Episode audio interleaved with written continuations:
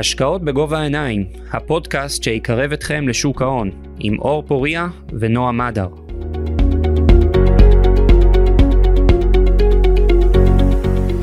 טוב, אחר הצהריים טובים, שלום לכולם, אנחנו בעוד פרק של הפודקאסט שלנו, השקעות בגובה העיניים, אה, הפעם לא לצידי אלא מולי, אה, נועה מדר, מה שלומך? טוב, אור, מה שלומך? אנחנו מצוין, האמת שהחלטנו לעשות פרק אה, מיוחד, ואנחנו תמיד מארחים אה, אורחים, אה, אנשי אה, השקעות, אנשים אה, מהשורה הראשונה בעולם הכלכלי, וקיבלנו המון המון שאלות לאורך הדרך, והחלטנו לצלם פרק, אה, פרק רק של שנינו, אנחנו נדבר על הרבה מאוד נושאים שמעניינים הרבה מאוד אנשים. אה, ואני מקווה שיצא לנו מוצלח.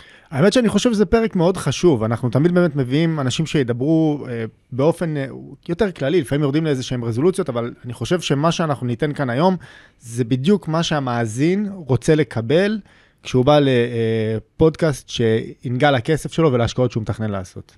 תראה, הפודקאסט נקרא השקעות בגובה העיניים. אז אמרו לנו, יש הרבה אנליסטים ומנהלי השקעות שמדברים סינית, וננסה הפעם לעשות באמת את ה... ננסה להגיע לגובה העיניים. את מה שצריך. אה, עם, מה אתה רוצה להתחיל? Uh, תראה, האמת שרציתי להתחיל דווקא עם הדוח של NVIDIA. Uh, דיברנו עליו מקודם, ראינו משהו מדהים, באמת משהו מדהים. אני, אני רואה בעצמי כמשקיע ערך, כלומר, אני אחפש איזשהו ערך חבוי במניה שאני מנתח, מתוך מטרה שבעתיד זה ישיא לי ערך והמניה תעלה בעקבות זה. חברה כמו NVIDIA, מניה כמו NVIDIA, לי מאוד קשה לנתח עוד כבר לפני שבוע. כבר לפני שבוע היה מאוד קשה, למה? כשאתה מסתכל על, uh, על המניה, אוקיי, הבנו, uh, uh, תעשיית הבינה המלאכותית צומחת, כל נושא ה-AI, כל דבר שאתה מדביק לו AI uh, uh, עולה כלפי מעלה, וראינו את מניית NVIDIA נסחרת במכפיל 160, uh, מכפיל רווח של 160 ומכפיל רווח עתידי באזור ה-70. Uh, והציפיות לדוח היו שלא משנה כמה הדוח יהיה טוב, כנראה ש-NVIDIA תרד, היא הגיעה למחיר באמת לא הגיוני. במקום זה קיבלנו, הדוח היה בסדר, כן? היא הקטע את התחזיות קצת, הכל היה נחמד. אבל במקום זה קיבלנו מניה מאוד מאוד אה, יקרה, שקופצת 25 איך זה יכול להיות שעל דוח בסדר מניה כזאת אני קפצה. אני חושב שצריך אולי להגיד למאזינים ולצופים שלנו, שבגדול, בטח בארצות הברית, שהתגובה לדוחות כן. היא מאוד מאוד חזקה, זה לא השוק הישראלי, כן. מה שקובע הרבה פעמים זה לא הדוח, אלא תחזית פורקסט, קדימה. בדיוק. וראינו באנווידיה, אם אני לא טועה, זאת אומרת, ציפו ל-7.2 מיליארד, הגענו ל-11 מיליארד, זאת אומרת... תחזית. תחזית. בדיוק, התחזית עלתה בסך הכל רבעון קדימה, כלומר שלושה חודשים קדימה. עלתה מצפי הכנסות של 7 מיליארד ל-11 מיליארד. כלומר, זה... מעל 50 אחוז. מעל 50 אחוז לשלושה חודשים קדימה, לא לעוד שנה. תחשוב כמה אנחנו אומרים, וואי, בואנה, מניה צמחה בשנה 50 אחוז, איזה הישג מטורף זה. אז תחשוב על זה כשאנחנו אומרים שלושה חודשים קדימה. זה מה שגרם לעובדה שזה שאינווידיה יקרה, זה לא עניין אף אחד. בשנייה המניה הזאת עלתה 25 אחוזים. כל המודלים, כל המודלים של התמחור, אתה אומר, לא רלוונטיים, ואם הם יכולים לצמוח בקצב כזה, אז... אה, תראה, במקרה של מניה כמו NVIDIA, משקיעי ערך לא יכולים לזהות את זה. למה? כי כדי להבין את העוצמה הזו, אתה צריך להיות לא רק טכנולוג, אתה צריך להיות אה, אה, אנליסט מעולם הטכנולוגיה, שכל היום מדבר לא רק עם חברה כמו NVIDIA, אלא עם הספקיות של החלקים למען הייצור. כלומר, זה, זה צריכה להיות המשרה המלאה שלך כדי בכלל לנסות להתחיל לזהות את הפוטנציאל המטורף הזה שהסתתר שם באנווידיה. עכשיו, לא סתם היא עלתה 130 אחוזים במהלך השנה, כנראה שהיו כאלה שהצליחו לזהות את זה, או מהמידע שיש להם. עכשיו, הבשורה שהגיעה מטיסה כזו של נייר כלפי מעלה, היא, היא לא יכולה לא לגעת בכל השאר. ובגלל זה ראינו גם את כל השווקים עולים באמת חזק, את השוק האמריקאי, ראינו את הנסדק ביום למחרת עולה 2.5 אחוזים, באותו יום עולה אחוז אם אני זוכר, וראינו את כל מניות השבבים. נובה הישראלית חזרה בפער ארביטרז של 12% על שני ימי המסחר האלה. קמטק עלתה 8%. ברודקום עלתה 30 אחוזים, 30-35 אחוזים, משהו כזה. מספרים אה, אה, באמת קיצוניים. AMD, שפרסמה AMD, דוחות ונפלה כמה ימים קודם, פתאום נכון, עלתה את הכל חזרה. נכון, ש... AMD שהיא בעצם המתחרה הכי גדולה של NVIDIA בתחום הדאטה סנטרים, שזה העיקר, כי בסוף העיבוד של, אה, של אה, הבינה המלאכותית נעשה בדאטה סנטרים עצמם. כלומר, ו-NVIDIA היא בפער אה, המובילה, מובילת השוק בתחום הזה. כלומר, גם אם AMD מקום שני, יהיה מקום שני בפער מאוד גדול ממנה. כלומר, ברמת האומרים שנתיים, שנתיים פיתוח. אז, ועדיין AMD מאוד נהנתה מזה, עלתה גם 10% באותו היום. עכשיו, העניין זה שזו הייתה בשורה, זה באמת משנה את כל מה שחשבו כרגע, כי מה, מתי פעם אחרונה, אם תחשוב על זה, קיבלת מוצר שהוא או חוסך לך זמן או חוסך כסף, ו- ולכולם יש אותו והוא כל כך נגיש. אם תחשוב על זה, זה יהיה הסמארטפון. אוקיי, אתה צריך ללכת בערך ל-2008, 2007, כשיצא הסמארטפון הראשון. זום, אבל זום היה קיים. זום פשוט העולם הגיע לנקודה שצריך להשתמש בו. השתמשו בו גם לפני זה, היה את WebEx, היה את Teams לפני כן, אבל כן. אבל בוא נגיד ברמה היומיומית שלך, קיבלת נקודה, קיבלת מוצר שיודע להחליף לך עובדים. תראה, מתחילת ה... בחצי שנה האחרונה, באה פייסבוק, פיטרה 25% מהעובדים שלה, אבל הכל עובד.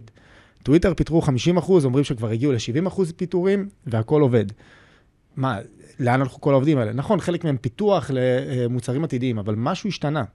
ומה שכנראה השתנה זה הגורם הדיפלציוני מאוד, שדווקא מגיע מהבינה המלאכותית. כלומר, אפשר לשחרר עובדים אה, החוצה, ומתפנה לנו כסף לעשות את הדברים אחרים, ומה שמחליף אותם זה פשוט איזשהו רובוט. עכשיו, אתה אומר, אוקיי, זה עובד כל כך טוב לחברות כמו אה, טוויטר כנראה, ל, אה, לפייסבוק, ואנחנו רואים שפתאום חברה כמו NVIDIA, שהיא מובילה את השוק, מצליחה לקבל אה, צמיחה מטורפת בסך הכל רבעון קדימה. אתה מבין שכל מה שהערכת לגבי התופעה הזאת, הוא בכלל הרבה יותר עוצמתי. כלומר, יכול מאוד להיות מצב ששנה מהיום, כולה שנה מהיום, נראה עולם עבודה די שונה, שוק עבודה די שונה, שזרקת ממנו הרבה אנשים הצידה, שהם חייבים להתחיל ללמוד איך להשתמש במערכות AI. זה משנה את כל המודלים להמון המון חברות. כל חברה טכנולוגית משנה את כל המודלים שלה, את כל מה שהיא רצתה לפתח. אומרים שפייסבוק, גם זה היה סוג של צוין בדוח האחרון שלה, הסיטה את מרבית המשאבים שלה, שהיו מרוכזים במטאוורס, בדיוק, שזה היה בינתיים השרפה של כסף שלא הביאה לשום דבר, פתאום לפיתוח מערכת ה-AI שלה, שקוראים לה למה, מתוך uh, הנחה שבעתיד, זה, uh, ש, שבעתיד הקרוב כבר, זה יבוא לידי ביטוי. עכשיו, פרט לעובדה שזה מעיף את כל החברות קדימה, וטיס לך את כל השוק כלפי מעלה, זה גורם דיפלציוני בעולם שאתה הכי חושש מאינפלציה, עדיין, זה עדיין uh, החשש הזה, פתאום אתה מקבל משהו שאומר, אוקיי, תהיה פה הורדת עלויות. פעם אחרונה שזה היה, בשורה כזו, זה מלפני 14 שנים, זה ממש משהו אה, שגורם לכל החברות לחשב מסלול מחדש. ואני חושב שזה סוג, סוג של טרף את הקלפים, בגלל זה גם הנסדק עלה כמעט 30 אחוזים מתחילת שנה. שאתה זוכר מה אמרו לנו בתחילת שנה? אמרו לנו שהשוק יתרסק השנה.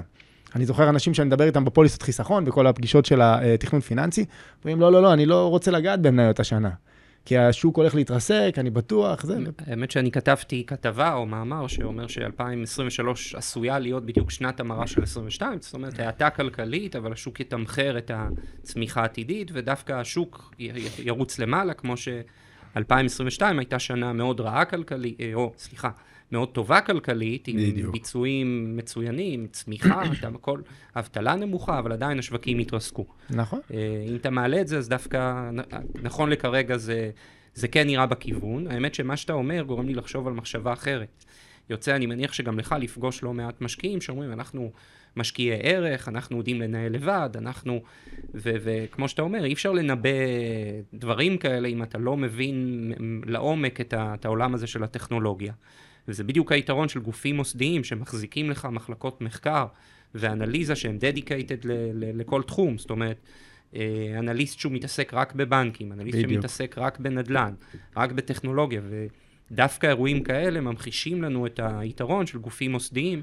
על פני משקיע בודד, שבסוף התשתיות והמשאבים שלו ומה עם מאוד הקשרים? מוגב... מאוד מוגבלים. מה עם הקשרים שלהם? אל תשכח שיש להם את הקשרים, הם נפגשים איתם.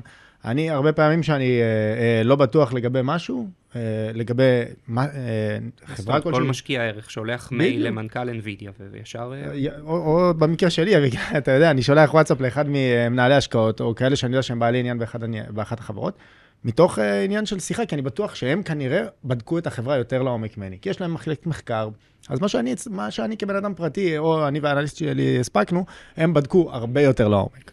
במצב כזה, אתה יודע, זה, זה, זה בדיוק העניין, שאתה הולך למשהו כמו פוליסת חיסכון, אתה בעצם מקבל מחלקת מחקר ומנהל השקעות מנוסה שעושה את זה בשבילך, זה הכל. ואתה מקבל את זה עם פיזור שאתה באמת רוצה uh, להיחשף אליו. סתם לדוגמה, אם נשווה את זה למשהו אחר, לדוגמה עוקב מדד, פה אתה לא מקבל את הפיזור, אתה יכול, אם סתם דיברנו על שנת uh, uh, 21, כשהיינו פה עם uh, רבית מאלטשולר, שנת 21, קיבלת בארץ גם שהקנו את המדד, כלומר המדד הישראלי גם הכה את ה-S&P, וגם נהנית מעליית המטבע. שנה שעברה, uh, גם ה-S&P ירד יותר מהשקל, וסליחה, גם ה-S&P ירד יותר מהתל אביב 125, וגם התיקון של השקל לא, לא תיקן את זה. עכשיו, אם אתה כל מה שאתה רואה אותו זה אה, השקעה עוקבת מדד, אתה מפספס את הניתוח הזה של מנהל השקעות ומחלקת מחקר שעושה בשבילך את העבודה כבר מראש. תראה, אחד הדברים, אני חושב שאולי אה, גם עולים המון המון בשאלות, זה שיעור הריבית. ולאן אנחנו מעריכים שזה ילך, האם צפויה לנו, כרגע הערכות הן בארץ שאנחנו נראה עוד העלאת ריבית אחת של רבע אחוז בהודעה הבאה, כרגע זה נראה שזאת תהיה העלאה האחרונה. בארצות הברית עד לפני שבוע חשבנו שכבר סיימנו את פרק העלאות הריבית, היום השווקים חושבים ומתמחרים אחרת. יש פה איזשהו סוג של חשש שזה נראה כאילו שכל פעם הנה זה נגמר ועוד העלאת ריבית. מה, מה דעתך על זה? תראה, זה, זה לא רק שזה נראה כאילו כל פעם זה נגמר, אנחנו לא מצליחים להבין כמה אנחנו רחוקים מירידת ריבית, ואני אסביר למה, למה אני מתכוון. קודם כל, כבר לפני חודשיים היה חש... הייתה את התחושה שהנה זה נגמר, ראינו את משבר הבנקים בארצות הברית, וכמובן שלא יתחילו להמשיך, לא ימשיכו לעלות שיחה ריבית, כשאתה אומר, אוקיי, בנקים נופלים, יש לי פה סכנה לדבר החשוב, ליציבות של הכלכלה. ומה שקרה, אוקיי, התערבו, תמכו בבנקים, אה, לא, נעצרו פשיטות הרגל. זה כן עצר את העלאות הריבית, זה עצר, ציפינו לחצי אחוז, עלה ברבע אחוז באותו שבוע. מה שקרה זה באמת אה, העשר שנים והשנתיים האמריקאי, שלא הפסיקו לעלות מתחילת השנה, פתאום קיבלו ירידה במכה אחת, כי, זה, כי ישר הבנת שאוקיי, תהיה פה עצירה של העלאות הריבית. ועדיין, בינתיים העלו 0.25, בארץ ראינו כבר שתי עליות, כנראה שתהיה עוד עלייה. מה שקרה בעצם מתחילת, הש... במשך השנה האחרונה, אפשר להגיד שבנק ישראל, בכלל בנקים מרכזיים בעולם, מילאו את המחסנית. אוקיי? ריבית של חמישה אחוזים, המשמעות היא מבחינת בנק מרכזי, שהמחסנית שלו מלאה. יש לו הרבה נשק לעבוד איתו. כשה... משבר הבא, טאק, חותך ריבית. בדיוק. בדרך כלל כשמעלים ריבית, מעלים אותה ככה, בזחילה. עוד מה שקרה במהלך השנה האחרונה, זה לא זחילה, זה מרוץ בהעלאות ריבית. בדרך כלל... זה אירוע חריג. אירוע מאוד חריג, שנה מאוד חריגה. לא מעלים ריביות בקצבים כאלה. בדרך כלל מעלים אותה בזחילה. נוציא רגע את שנות ה-70 שפול ווקר הקפיץ אה, במכה בשביל לעצור את האינפלציה, כן? אבל בדרך כלל מה שעושים זה מעלים ריבית בזחילה כדי לא לפרק את הכלכלה. וזה מה שקרה, ובאמת אה, במהלך השנה האחרונה, ובגלל זה פתאום אתה רואה, אה, יש לך עצירה לחלוטין של מכירות, דירות. פתאום מדברים כבר על המון קבלנים שיפשטו את הרגל. כולה לפני שנה, מה זה, רדפו אחריהם. לפני כמה חודשים ראינו 20 אחוזי עלייה בשנה שלמה. איפה כל זה נעלם? איך בפרק זמן כזה? בגלל שעליית הריבית הייתה באמת מאוד מהירה. עכשיו, מה שקורה כרגע לבנקים המרכזיים, יש מחסנית מלאה, חמישה אחוזים ריבית, הם יכולים מתי שהם רוצים להוריד כמה שהם רוצים. מה שהאנשים לא מבינים, מה שהרבה משקיעים, אה, משקיעי ריטל, משקיעים קטנים לא מבינים, שבנק מרכזי לא מוריד ריבית אלא אם הוא חייב. אם הוא לא חייב, אין לו שום סיבה להוריד את הריבית. אם אה, השוק יודע לעבוד, והשוק חיובי, ויש צמיחה, לא נכנסים למיתון, אלא יש צמיחה ויש המשך עלייה בצרכנות והוצאות כרטיסי אשראי וכולי, אין שום סיבה שהוא יוריד את הריבית. מבחינתו, הוא רוצה להישאר עם המחסנית שלו מלאה. בנק ישראל מפוצץ דולרים, והדולר עלה ל-3.7, הוא לא מוכר דולרים, אין פה דרמה אמיתית. בסדר, עלה הדולר, לא, זה לא דרמה מבחינתו, ולכן הוא לא מוכר דולרים. כנ"ל לגבי הנושא של הריבית. הבנקים המרכזיים לא יורידו את הריבית, אלא אם יקרה דבר מאוד מסוים, וזה אם משהו יישבר. אם משהו יישבר, פתאום ג'יי פי מורגן יפשטו רגל, לא יודע, משהו בסגנון הזה, בנק מאוד גדול ייכנס לסחרור. ברגע שמשהו כזה יקרה, אפשר יהיה לראות מצב של ירידת ריבית מ-5% ל-3% ל-2% ביום אחד, וזה מצב אחר. עכשיו, אני רוצה רגע, אם אנחנו כבר מדברים על הריבית, בואו נלך למקום של הנדל"ן. עד לא מזמן, ממש חצי שנה אחורה, ראינו עלייה של 20% במחירי הנדל"ן, בשנה שהייתה עליות, שהיו עליות ריבית. אבל את המניות של הנדל"ן ראינו מתרסקות כבר במהלך 2022, אה, ירדו 40, המדד ירד איזה 45 אחוזים. עכשיו שהגענו לאזור 5 אחוזי ריבית, במידה אה, והבנקים המרכזיים לא יורידו את הריבית, מחירי הנדל"ן לא יעלו בכמה שנים הקרובות. עכשיו, זה אני יכול, אין לי בעיה להגיד את זה ואין לי בעיה שזה מצולם, כי הרבה אנשים לא מבינים את זה, הם קונים דירות, אומרים לך, בסדר, עוד שנייה זה יעלה. זה ההרגל הזה מה, מעולם של ריבית אפס.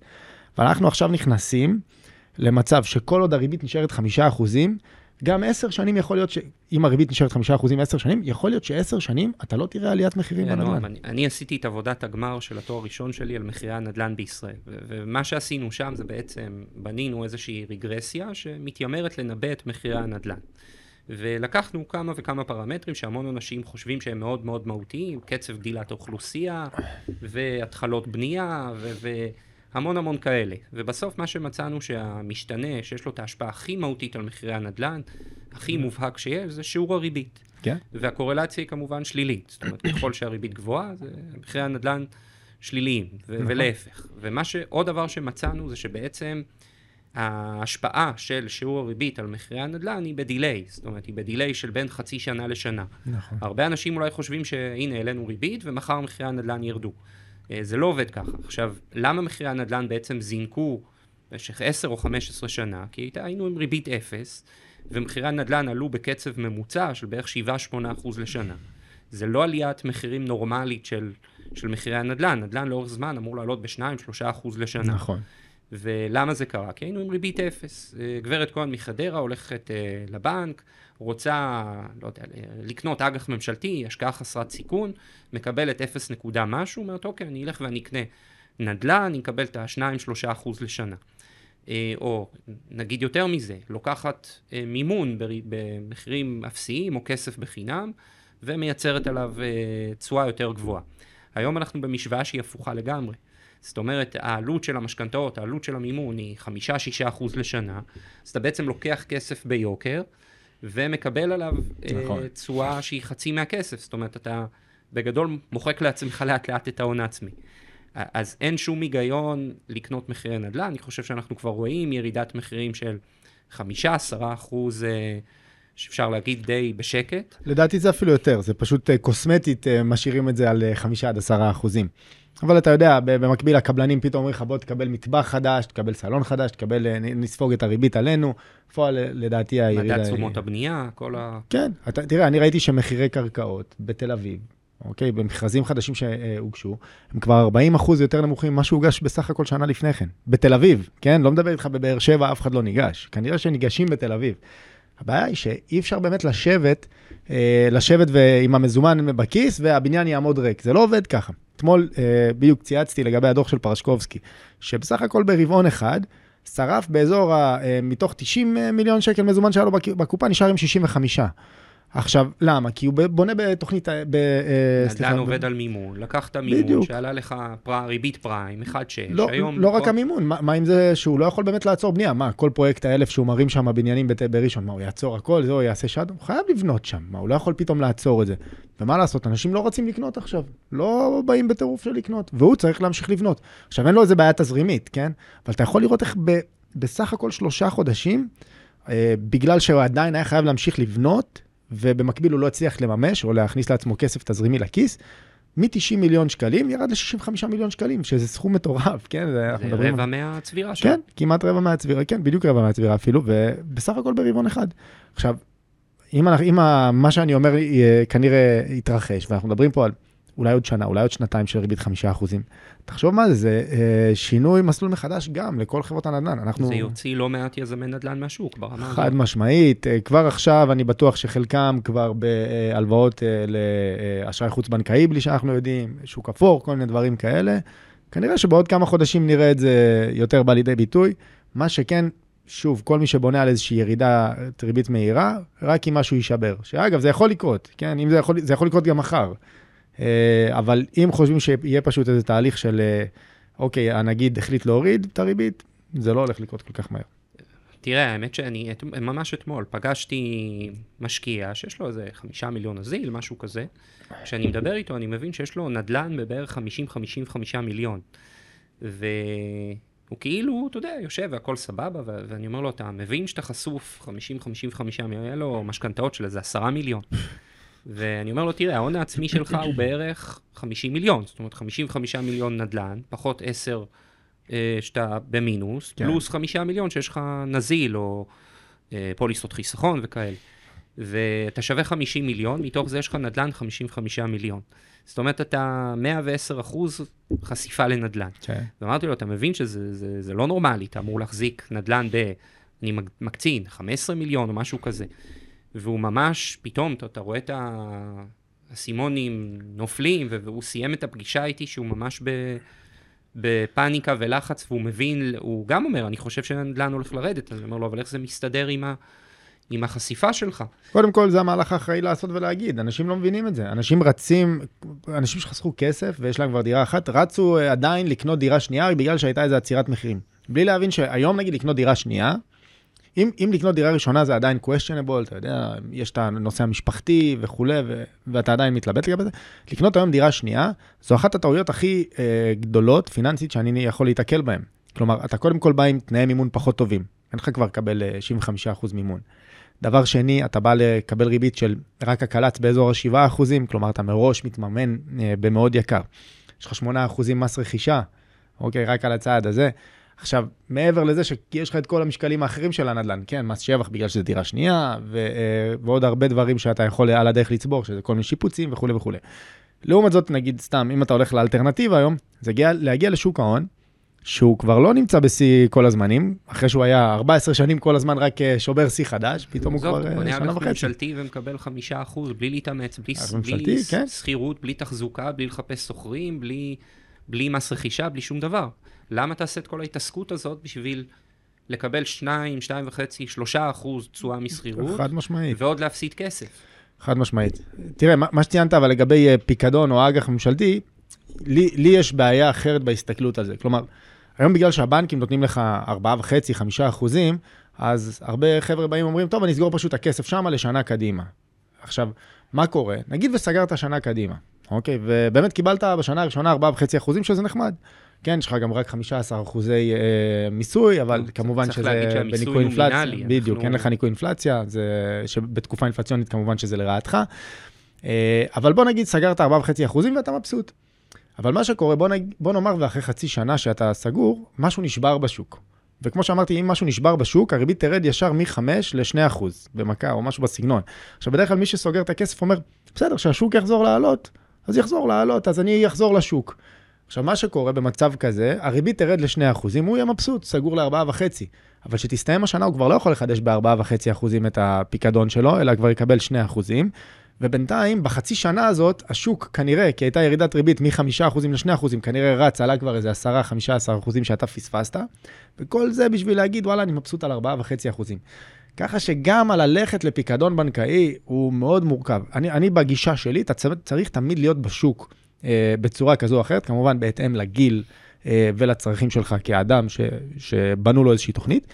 אה, וגם אם אתה לוקח את זה למקום של חלוקה של נדל"ן, אה, נדל"ן, שוק ההון, פקדונות וכולי, זה, אתה לא יכול להיות במשהו אחד כל הזמן. כמו שאמרת, כמו שבן אדם אחד שהיה אולי לאורך אה, עשור, היה מבסוט מזה שהוא בנדל"ן כי זה הרוויח לו יפה, כרגע הוא במצב שיש לו אה, מינוף מאוד גבוה, אה, שיכול להיות שהוא יצטרך לממש נכסים בלחץ, ש... וישלם על איזשהו מיסוי גם.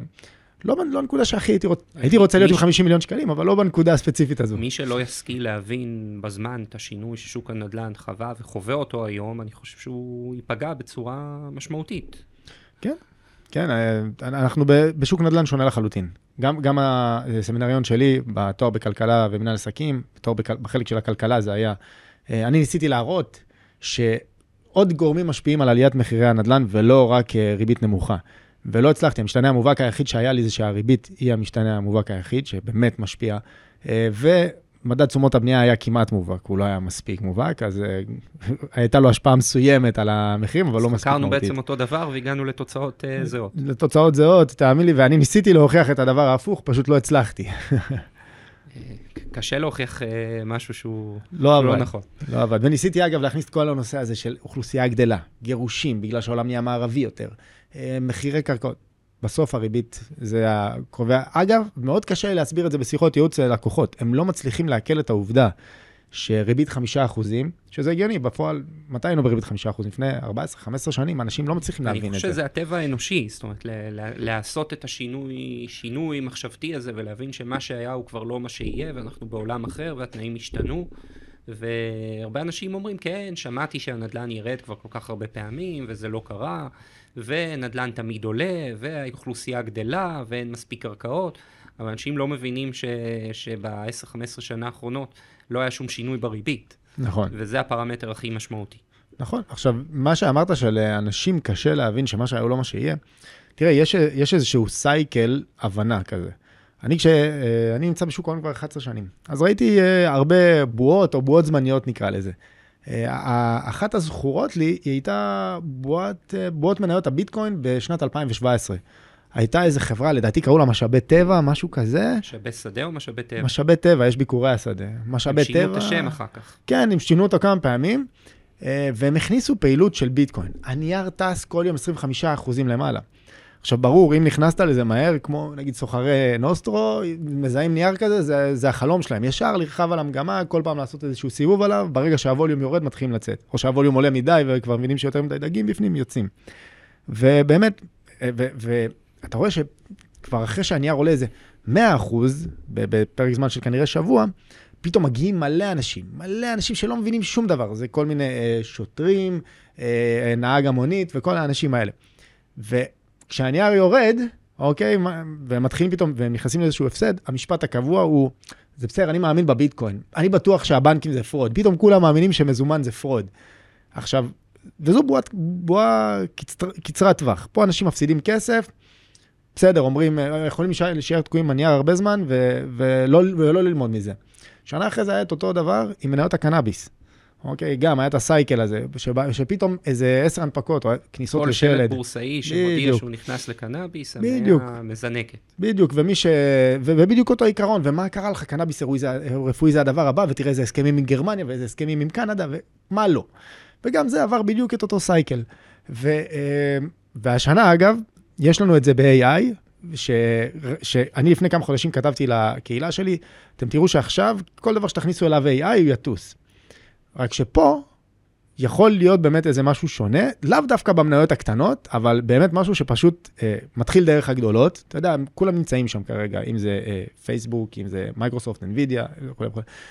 בסוף זה יכול להתגלגל להרבה אה, מדינות טכנולוגיות, כמו ישראל, שבסוף זה כנראה איכשהו יתגלגל אליה. דיברנו על זה שאינווידיה תמיד אה, מציינת את זה שהקנייה של מלאנוקס בישראל זה אחד הדברים שהכי אה, תרם להתקדמות של החברה, וגם הם פותחים פה עוד איזשהו מרכז פיתוח עכשיו וכולי.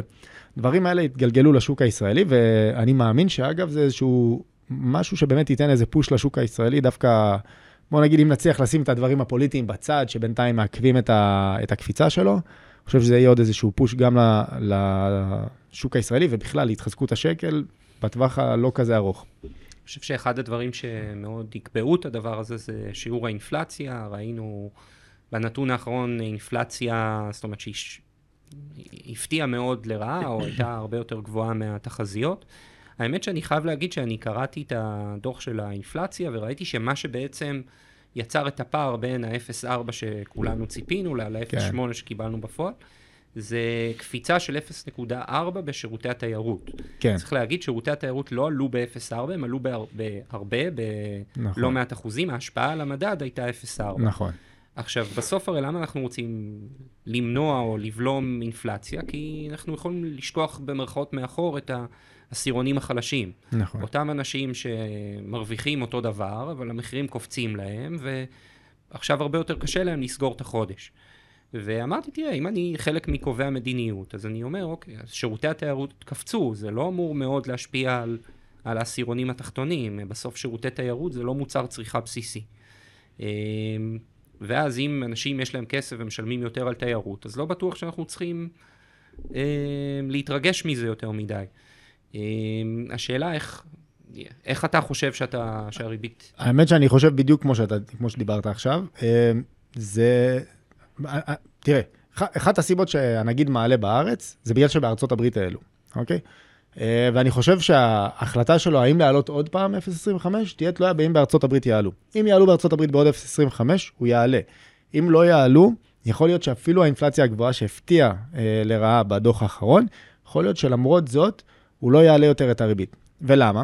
כמו שציינת, מה, ש, אה, מה שבאמת היה הפער בין הציפיות עצמם ל... אה, ל-0.4 החריג הזה, זה היה תיירות, תיירות בארץ ובחו"ל אגב, שזה בעצם סוג של מותרות. אוקיי, יש שיגידו, מה פתאום, זה אה, צורך אה, אה, בסיסי, yeah, אבל אה, בסוף זה הגדרה של מותרות. צריך להגיד שנסעת להציע נישואין לאשתך, זה יכול להיות שאתה גם חלק מהגורמים על ה...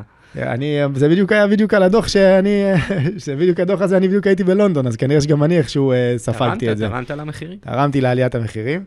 אה, עכשיו, אם אני, אם אני מסתכל על זה כאן, נגיד, תראה, קודם כל, אנחנו רואים כבר אה, בחודש וחצי האחרונים, אנחנו רואים ירידה בהוצאות בכרטיסי אשראי, אחרי שלא ראינו דבר כזה הרבה שנים, תמיד זה עולה. ירידה בהוצאות בכרטיסי אשראי. אה, כבר אה, הצמיחה עצמה, הורידו את ציפיות הצמיחה מ-3% בארץ, כבר הורידו לכיוון ה-1.5%, כלומר, הריבית עובדת. זה לא שהריבית לא עובדת, נכון, אנחנו לא רואים את זה דווקא באינפלציה, אנחנו עדיין לא רואים את האינפלציה מתקררת כמו שציפו, אבל... אתה חושב שיש תרחיש שהריבית יש... לא עולה בעוד רבע, בהודעה הבאה? אני חושב שאם בארצות הברית לא יעלו ריבית בפגישה הקרובה, גם בארץ לא יעלו. אגב, אני חושב שגם אם לא יעלו אה, בארצות הברית בפגישה הקרובה, אנחנו נראה את האג"חים הממשלתיים גם בארץ ובארצות הברית מגיבים לזה בהתאם, ומה שהיום נראה לנו כמה בטוח הולכים לעלות ב-0.25, זה ישתנה מהר מאוד. זה, כשאנחנו מסתכלים על, אה, בשוק ההון זה תמיד ככה, אתה מסתכל על משהו נקודתית ביום מסוים, זה יכול להיראות מובהק, אה, הולך למקום אחד, תסתכל על זה עוד שבועיים, זה הולך למקום אחר לחלוטין. בחודש פברואר, הציפיות אינפלציה בארצות הברית הפתיעו למעלה. ופתאום השוק עבר לירידות, אחרי שהוא פתח את השנה מאוד חזק, וכבר היה נראה שאיפה, מי מדבר על ירידת ריבית והכל.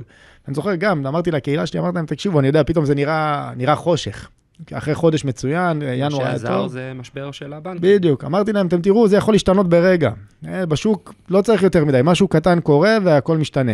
כמו ששנה שעברה, אגב, היה לנו את הברבור השחור של אה, אה, רוסיה-אוקראינה, שנתן זרז לריסוק של השוק ב-22. פתאום השנה קיבלת משבר בנקים, שדווקא פעל כן, סוג של לטובה. אני זוכר שעשיתי פודקאסט, מדוע משבר הבנקים הוא החדשות הטובות, המצוינות, כן. יותר שהשווקים יכלו לקבל. אנשים אמרו לי, מה, על מה אתה מדבר? אה, אבל כן, צריך להבין, אגב, רוסיה-אוקראינה הקפיץ את האינפלציה וכל הסחורות וכאלה, זה באמת חדשות לא טובות לשווקים, אבל זה באמת חדשות uh, של שנה שעברה, עוד אשתקד, וכמה שהמלחמה שם, כמובן אנחנו נשמח שהיא תיגמר, קשה לראות את זה כרגע באופק. המחירים של כל הסחורות, הכל כבר חזר למה שהוא היה ומתחת, אז רוסיה-אוקראינה כבר לגמרי לא משפיע על השווקים, צריך להגיד נכון. נכון, נכון. אבל, אבל אני יכול להגיד לך שאם פתאום ת, המלחמה הזאת תסתיים, מחר, זה ברבור לבן. זה ייקח את השווקים למעלה, השווקים יתמחרו עלייה, הם יגיבו לזה, אה, ואתה תראה איזשהו שינוי. אה, אגב, אה, דיברת על, ה, על הנושא הזה של לא, לא כל דבר שהוא נראה רע הוא טוב, כל, כל דבר שהוא רע הוא בהכרח רע. לדוגמה, היום הדולר בארץ הוא כבר 3.72. לא ראינו את זה, לדעתי, איזה שנתיים, שנתיים וחצי, אולי לא היינו במקומות האלה. שזה לא כזה מזמן, אבל זה מרגיש כאילו זה מזמן. צריך להבין משהו לגבי דולר כזה גבוה. נכון, זה לא טוב ברמה האינפלציונית. כל עלייה של אחוז משפיעה בערך 0.3 על המדד. אה, אבל מהצד השני, צריך לזכור שמדינת ישראל היא, היא יותר יצואן מאשר יבואן. כלומר, אנחנו יותר מייצאים מאשר מייבאים. העובדה שהדולר עולה, אומר שמבחינת הכסף שנכנס לפה, זה כסף יותר, יותר כסף נכנס לארץ. כלומר, חברות שהן מייצאות, זה הרבה מאוד כסף, כל ההייטק מקבל הרבה יותר כסף. אתה הופך להיות הרבה יותר תחרותי בעולם. נכון. חברה כמו, לא יודע, הזכרת, NVIDIA, פתאום רואה שכר של מתכנת ישראלי מול מתכנת ממקום נכון, אחר בעולם. בטווח הקצר. כן, למרות שאני לא יודע כמה אצלם זה דרמטי, המשכורות האלה במצב שהם נמצאים בו היום. היינו בשנים לא מעטות שהייתה מלחמת מטבעות, כל, נכון. כל מדינה רצתה להחליש את המטבע שלה. נכון. אז אנחנו, בזה אנחנו מנצחים בלי, בלי להתכוון. תראה, אני מעריך גם שזה יחזור לכיוון הזה. אגב, סתם, אם אנחנו נותנים את הדוגמה הזו, תראה את כצמן שהיה איתנו פה לפני כמה חודשים, והוא דיבר על כמה שהוא סבל לאורך השנים, מצד די חכם שהוא עשה, שזה היה לפזר את ההשקעות שלו, במקום בכלכלה אחת, על כמה כלכלות. אבל בגלל שהשקל היה כל כך חזק, במשך אה, עשר שנים הוא רק סבל מזה. ברזיל, בכלל, כל ההשקעה שלו שם נשחקה. ופתאום בא הדוח האחרון, ובדוח האחרון הוא בא מראה צמיחה, אם אני לא טועה, בהכנסות, אה, אה ברווח התפעולי של איזה 7 אחוזים. רווחיות תפעולית גבוהה יותר ב-7 אחוזים, ואז הוא מכניס סעיף. נהנינו מזה, ש, אה, מזה שהמטבע דווקא נחלש כמובן, אחרת היינו אה, עולים ברווחיות תפעולית רק ב-2 אחוזים. כלומר, זה שבאמת אנחנו רואים את המטבע גבוה יותר, זה נראה לנו רע, רע לנו לאינפלציה, אין ספק. אבל הרבה הרבה חברות ייהנו מזה, אנחנו יצואני גז, יצואני הייטק, יש הרבה כאלו שדווקא ייהנו מהנקודה הזו, וזה יתגלגל לשוק. Yeah, אני יכול לספר לך שפגשתי ממש אתמול uh, זוג, אגב, זוג מקסים, שהם בעלים של uh, חברת רהיטים לשוק המוסדי, מהגדולות, מהגדולים בארץ, בצפון הרחוק, והם אמרו לי, תשמע, אנחנו ישבנו חצי שנה לפני שהאינפלציה פה התחילה לעלות, וראינו שמחירי השינוע, כל ההובלה, כל המחירים שלנו, עולים בצורה מטורפת, ולא הבנו איך האינפלציה לא עולה. ובנקודה הזאת בעצם הגדלנו מאוד את הרכיב הצמוד מדד בפורטפוליו שלנו. ואנחנו חייבים להגיד שאנחנו רואים עכשיו בדיוק את ההפך. זאת אומרת, מחירי השינוי ירדו ליותר נמוך ממה שהיה, אנחנו רואים ירידות מחירים כמעט בכל דבר, ופה כאילו הרבה מאוד יבואנים שומרים את המחיר גבוה. אמרו לי, תקשיב, אנחנו הורדנו מחירים, הפכנו להיות מאוד תחרותיים בשוק, ואנחנו עכשיו מוכרים הרבה הרבה יותר. והם כאילו אומרים שהם מצפים לראות את האינפלציה יורדת בחודשים הקרובים, כמו שהם ציפו אז עלייה שנראתה אה, בשעתה די דמיונית. אני, אני, אני מסכים. אני חושב ש... אה, כמה, כמה זה נראה כאילו האינפלציה עדיין פה, וכמה היא בעייתית וכמה היא סטיקית, בסוף הריבית עובדת. ייקח חודש, ייקח חודשיים, ייקח שנה. מאמין שיותר מהר ממה שאנחנו חושבים, נראה את זה משפיע. אה, כמו כן, האטה זה משהו אחד, זה לא אומר שהריבית תרד, אוקיי? אני מאמין שפשוט נראה איזושהי האטה באינפלציה. ריבית, אני לא רואה אותה יורדת, אלא אם כן משהו נשבר בשנתיים הקרובות. מה אתה חושב היום על אג"ח מול מניות? זה אחת הדילמות המשמעותיות שיש לנו כ... גם כמתכננים פיננסיים שמנסים לחשוב השקעות ולקרוא את השוק. אמ, יש תיאוריה שאומרת, תראה, היום כשאג"חים נותנים לך אג"חים בדירוג גבוה, חמישה, שישה אחוז די בקלות, אין אולי מה לחפש במניות. מצד שני, ברור שהתאוששות תקפיץ את המניות. מה, תחילת שנה אנחנו רואים באגרות חוב 2.5 אחוז תשואה במניות. אני חושב שזה תלוי, בעיקר, בעיקר תלוי גיל המשקיע. כמובן שזה עניין של אהבת סיכון, צנעת סיכון, ובכלל אה, בניית הפורטפוליו בהתאם. אבל בסוף, אם אני לוקח את זה לשחור או לבן, הנושא של אג"ח מול מניות צריך להיות סוג של תלוי גיל המשקיע. למה אני מתכוון? אם אנחנו מדברים על משקיע בין 50, 60, מבחינתו הוא צריך כבר להיות מרוצה מ-6% בשנה. אוקיי, זה הגיל שאתה כבר עובר למס... למגמה יותר סולידית, אה, מסלולים כלליים יותר, אג"חים אה, שקליים וכולי וכולי, ואתה נהנה מ-6% וזה בסדר וטוב לך. לעומת זאת, משקיע צעיר, שיש לו מבחינתו בשוק עוד 20 שנה עד שהוא בכלל רוצה לדבר על הורדת סיכון, אז הוא אומר, מה, אני עכשיו אעבור, אסגור בפק"ם בשביל 4.5 אחוזים, או אלך למסלול שקלי בשביל 5 או 6 אחוזים, סבבה, אז בוא נגיד שנה שלמה אני באמת אקבל את זה, ובוא נגיד ששוק ההון ידשדש בשנה הזו, יעשה 0. אה, המסלולים המנייתיים יעשו 0, ואני בינתיים הרווחתי 6 אחוזים, אחלה. אבל מה שקורה, ברגע שהשוק מחליט לצאת לעלייה שלו, שהוא מחליט לתקן כלפי מעלה, אם בכלל יש ירידת ריבית על אחת כמה וכמה, הוא יכול לעלות בשנה אחת, ריבית. יכול בשנה אחת לעלות 20 אחוזים. אז בוא נגיד שנתיים אפילו. שנה ראשונה קיבלת 6 אחוזים, שנה שנייה קיבלת 6 אחוזים, הגעת ל-12 אחוזים. אבל פתאום בשנה השלישית... יהיה לך מאוד קשה עד בלתי אפשרי לזהות את הנקודה הזאת. אתה לא תזהה את זה בחיים. נכון. אתה תהיה עסוק בלהיות מבסוט מזה שאתה מקבל את ה-6 אחוזים שלך, ופתאום בשנה אחת השוק יעוף 20 אחוזים בפרק זמן מאוד קצר, ואתה בינתיים, אה, וכל ההתלהבות שלך מהשנתיים הראשונות, אה, תכבה מהר מאוד, ותראה את חברים שלך צוחקים עליך, ואתה תרגיש רע על זה. ככה זה, אתה יודע, האופי הזה של הדשא של השכן תמיד. תראה, זה, זה צד אחד של המשוואה. צד השני הוא, אנחנו לאחרונה שומעים הרבה משקיעים שבטוחים שפיקדון היום זה דבר נפלא. זאת אומרת, הם אומרים, תראה, יכולנו לקבל 0 נקודה משהו אחוז על פיקדון לפני שנה וחצי, היום אנחנו מקבלים 4.5-5 אחוז. אה, למה אנחנו צריכים להסתכן? אז... תראה, אמ, זה, זה משהו שאני נתקל בו המון, זאת אומרת, אה, ואני חייב להגיד שבאופן מפתיע, זה, זה גם מול משקיעים צעירים, זאת אומרת, בן אדם בן 35, שאמור להיות הכי ברמת סיכוי סיכון גבוהה, והוא מדבר איתי על פקדונות, כאילו, זה, אתה בכלל לא, זה לא אמור להיות בלקסיקון. וצריך להגיד שפיקדון זה מוצר שיש לו אלטרנטיבות הרבה הרבה יותר טובות. זאת אומרת, לפיקדון יש המון חסרונות. קודם כל הריבית היא נמוכה יותר מהאינפלציה. זאת אומרת, האינפלציה היום היא בערך חמישה אחוז, אתה בעצם שוחק את הכסף רק נכון. לאט יותר. דבר שני, אתה מוותר על נזילות, שכמו שאמרת, מחר השוק ירוץ, אתה מחוץ לחגיגה, מחר אתה רוצה לעשות משהו עם הכסף, הכסף נעול. דבר נוסף, אתה מפספס את ה... אופציה לשנות מסלול. זאת אומרת, מחר אתה אומר, אני רוצה, אוקיי, אני היום מושקע בכאילו תשואה בסוג של בונקר, נכון. אני רוצה לשנות את זה, אין לי את האפשרות. ומאוד קריטי זה העניין של המיסוי, בטח נכון. בתשואות האלה. נכון. כי יש לנו בישראל שתי צורות של מס, מס נומינלי, מס ריאלי. במס נומינלי אנחנו משלמים מס על רווחים מהשקל הראשון. במס ריאלי אנחנו משלמים מס רק מעל האינפלציה. נכון. אנחנו היום עם אינפלציה של חמישה אחוז, אין שום סיבה שבעולם ללכת למס שהוא נומינלי בתנאים כאלה. צריך גם להגיד שכלל האצבע בין מס נומינלי לריאלי הוא שה-15% אחוז נומינלי צריך להיות, התשואה צריכה להיות פי שתיים וחצי ומעלה משיעור האינפלציה, כדי נכון. שאנחנו נשקול השקעה עכשיו במס נומינלי.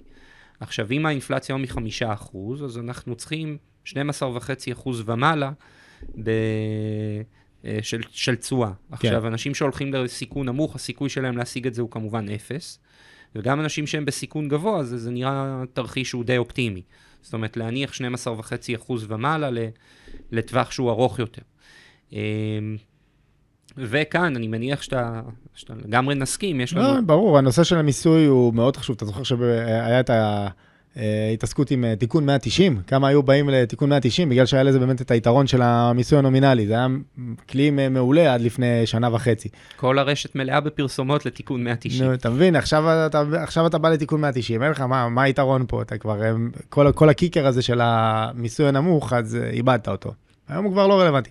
זה, איך, איך אוהבים להגיד באחד בתי ההשקעות, שאני, שאני יותר מחזיק ממנו, המשקיע המצליח הוא זה שיודע לעשות התאמות. לא זה שאומר, יש לי מתודה ועליה אני רץ. עושה את ההתאמות בהתאם למה שאנחנו רואים.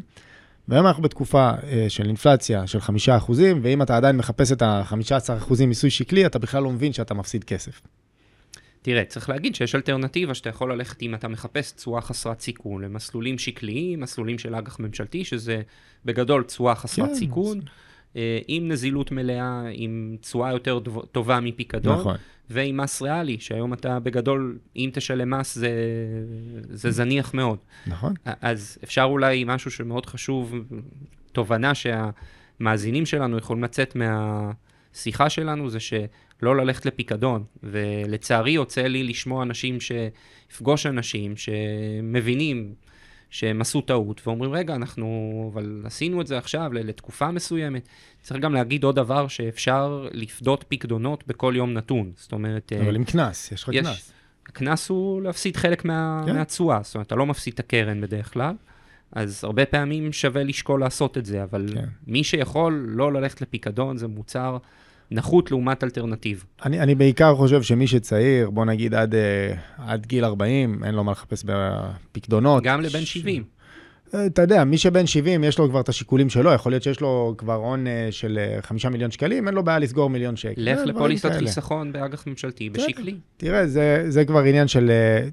מי שמבין, ברור, אבל יש כאלה, אתה, רק, יש כאלה שרק להסביר להם מה זה אג"ח ממשלתי שקלי, או אתה יודע, נגיד קרן כספית. ברור שזה עדיף לשים את הכסף בקרן כספית ולא פיקדון. אבל לפעמים הרעיון של להסביר לבן אדם מה זה קרן כספית, מראש אתה אומר, זה עזוב, מה אני עכשיו, אני אגיד לו פיקדון, הוא יבין uh, יותר בפשטות. Uh, נתקלתי בזה לא מעט. לא, אנחנו יוצאים מנקודת הנחה שאנחנו כן רוצים שאנשים יתנהלו יותר טוב ו- ולעזור לאנשים, וזה בסוף העבודה שלנו, אנחנו עושים אותה כי אנחנו אוהבים את מה שאנחנו עושים. אין ספק. Uh, אז זה, הרעיון הוא שאנשים כן ינסו ויצליחו לפעול, לפעול יותר טוב. חד משמעית. אה. בסדר. טוב, אה, אני חושב שהיה לנו פרק אה, מעניין ונחמד, ויש לך משהו להוסיף, נועם? רק שבאמת, כל מה שרואים, כל מה שרואה בן אדם מבחוץ, הוא תמיד, מה שנקרא, כבר תקף למראה האחורית. כלומר, הוא תקף למה שכבר היה. אתם כמשקיעים תמיד צריכים לראות לאן זה הולך. לאן, או לאן השוק הולך. כמובן שאתם לא באמת צריכים תמיד להיות על השוק, בשביל זה יש לכם אה, אותנו כיועצים פיננסיים, כמתכננים פיננסיים, אבל הרעיון הוא תמיד שמבחינתכם אתם צריכים להסתכל קדימה לחיים. אם אנחנו רואים בחיים שלנו שאנחנו הולכים עוד להשקיע ועוד 10, 20, 30 שנים, או אפילו בזמנים יותר נמוכים, או זמנים יותר קצרים, שוק ההון זה המקום להיות בו. אין מה לחפש את כל הנושא של פקדונות, אין מה לנסות אה, להעמיס נדל"ן במינופים מטורפים אה, ותנאי מימון רעים. שוק ההון הוא הבסיס שצריך להיות לכל משקיע, ומשם לגזור את האפשרויות הנוספות שלו. יש גם השקעות אלטרנטיביות שלא הזכרנו בכלל, היום אפשר לייצר 9-10 אחוז אה, ומעלה ממוצעי תשואה אה, בהשקעות ברמת סיכון שהיא מאוד לא גבוהה. אה, אז לא צריך רק בשוק ההון, אבל בטח לא ללכת להשקעות שהן, שיש פתרונות טובים יותר, כמו נדל"ן או פקדונות או השקעות מהסוג הזה. כן, בגדול מה שאני בא להגיד זה שלא לשים את כל הביצים בסל אחד, אה, וכל אחד צריך לקבל את הפיזור שמתאים לו בהתאם לגיל ובהתאם לצרכים שלו, וכל אחד באמת צריך לקבל איזושהי התאמה, גם לרמת הסיכון שהוא מוכן לקבל. נועם, היה לנו כיף כרגיל. היה מעולה. יאללה, נועם. תודה לכל מי שהצטרף אלינו. תודה שהייתם איתנו. תוכלו להאזין לנו בפלטפורמות הפודקאסט הנבחרות, אפל, ספוטיפיי וגוגל. נשמח אם תעקבו אחרינו, ובמידה ואתם מכירים מישהו שיכול ליהנות מהתוכן שלנו, נשמח אם תשתפו.